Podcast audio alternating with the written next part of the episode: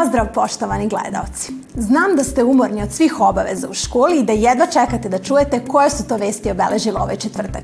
Pripremili smo za vas veoma interesantne priče, kao što ste u ostalom i navikli od nas. Počinje Dečiji dnevnik. Ja sam Zorana Nikoletić, a ovo su vesti dana. Danas se obeležava Međunarodni dan tolerancije. Pitali smo vas šta biste voljeli da budete kad porastete. Odlične predloge za čitanje nudi vam naš Vuk Zečević. A sve o vremenskim prilikama reći će nam naš nemeteorolog Petar Nedeljković. Međunarodni dan tolerancije obeležava se punih 28 godina. Tolerancija je veoma važna jer nas uči da prihvatimo mišljenje drugih ljudi, bez obzira što se ono možda razlikuje od našeg. Tolerancija podrazumeva da u svakom danu i prema svakom čoveku pokažemo dobru volju i poštovanje. A zašto je to važno? Saznaćemo u priči koleginice Ane Milak. Da li ste se nekad zapitali šta je zapravo tolerancija? Ako niste, danas je pravo vreme da saznate, zato što se danas obeležava Svetski dan tolerancije širom planete. Šta je tolerancija i zašto je tolerancija bitna? Tolerancija se odnosi na prihvatanje svega što je drugačije i svesnu voljnu odluku da se na to drugačije reaguje nenapadno, neagresivno, uzdržano, trpeljivo.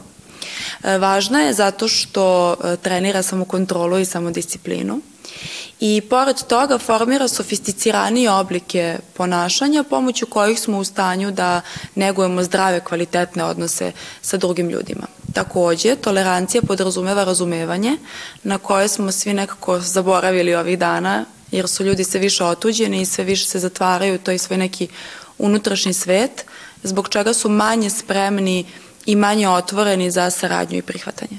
Kako možemo da naučimo da i sami budemo tolerantni? E, dobra stvar je što tolerancija i razumevanje mogu da se treniraju.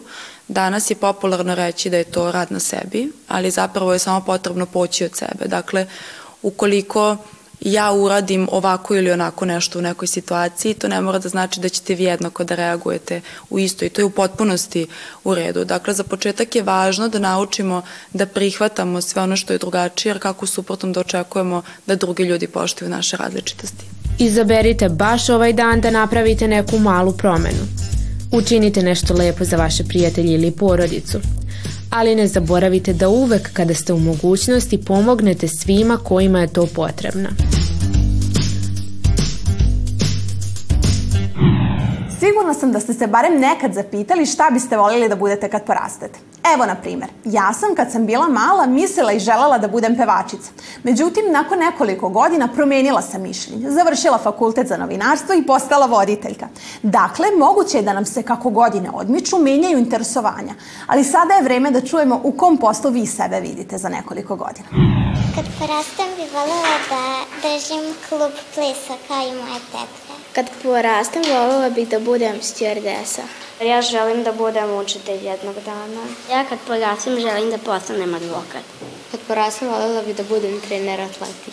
Porastem najviše bih voljela da budem arhitekta. Da budem svetski golman. Kao što znate, danas je četvrtak i vreme je za našu stalnu rubriku U zemlji knjiga. Kolega Vuk Zečević ima odlične sagovornike i predloge za čitanje. Zato je sada vreme da slikom odemo do gradske biblioteke i saznamo koje su to najčitanije knjige među decom ovih dana.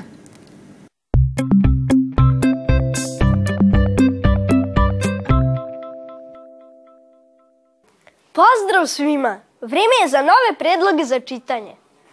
Veoma je važno da čitamo jer čitanje ima mnogo pozitivnih efekata. Proširujemo fond reči, ali se uz knjigi i opuštamo. Koji su ovo nedeljni predlozi, zna moja sagovornica Katarina. U pravu si vuče. Vreme je da krenemo sa našim prvim predlogom za danas. U pitanju je knjiga autorke Vesne Aleksić Moja žuta gerda. Iskreno, na osnovu naziva ove knjige ne mogu baš da zaključim o čemu se radi. Katarina, molim vas da li mi možete objasniti o čemu se radi? Mogu. Ima zaista neobičan naziv, ali evo otkriću ti o čemu se radi. U pitanju je pas. E, većina tvojih vršnjaka e, ima psa kao svog najboljeg e, i najdražeg ljubimca i znamo svi za onu izreku pas je čovekov najbolji prijatelj, a upravo ova knjiga govori o toj neraskidevoj vezi između njih vlasnika pasa i kuca. Odlično! Mislim da se svi mogu poistovetiti s ovom knjigom, jer svako od nas ima svog omiljenog Gerdu, kao i glavna junakinja ove knjige. Nego koji je naš drugi predlog za danas? Naš drugi predlog za danas je jedna e, starija knjižica, ali u pitanju je zbirka priča, od šest priča, koja se zove Maja, pričice za laku noć. Jao, pa čula sam za ovu knjigu. Zapravo postoji čitav serijal priča u kojem je Maja glavna junakinja, ako se dobro sećam. Odlično se sećaš, tačno. Taj serijal postoji još od 1954. godine, a Maja je tu glavna junakinja, ona ide iz avanturu, avanturu, Maja ide na selo, Maja poseće zološki vrt, Maja ide kod dedi i tako dalje i svugde je Maja glavna junakinja. Nadam se da će ti biti zanimljivo i svima koji budu čitali. Sjajno! Hvala mnogo! Drugari, nadam se da vas je barem jedna knjiga zaintrigirala i da biste poželeli da je pročitate.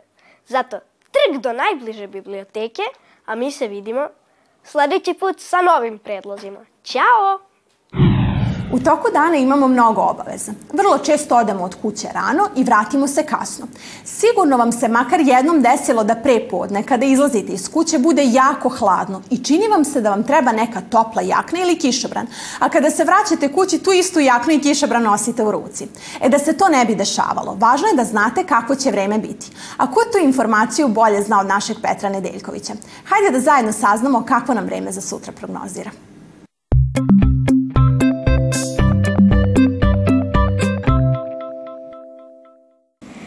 Pozdrav drugari! Izgleda da nam je stigla prava jesen, makar što se tiče temperatura. Za sutra su najavili kiš, a i bit će za stepen niže u odnosu na današnji dan. Šta da vam kažem, dobro se obucite pre polaska u školu, jer sa vremenom nema šali. Vidimo se uskoro sa još preciznijim informacijama.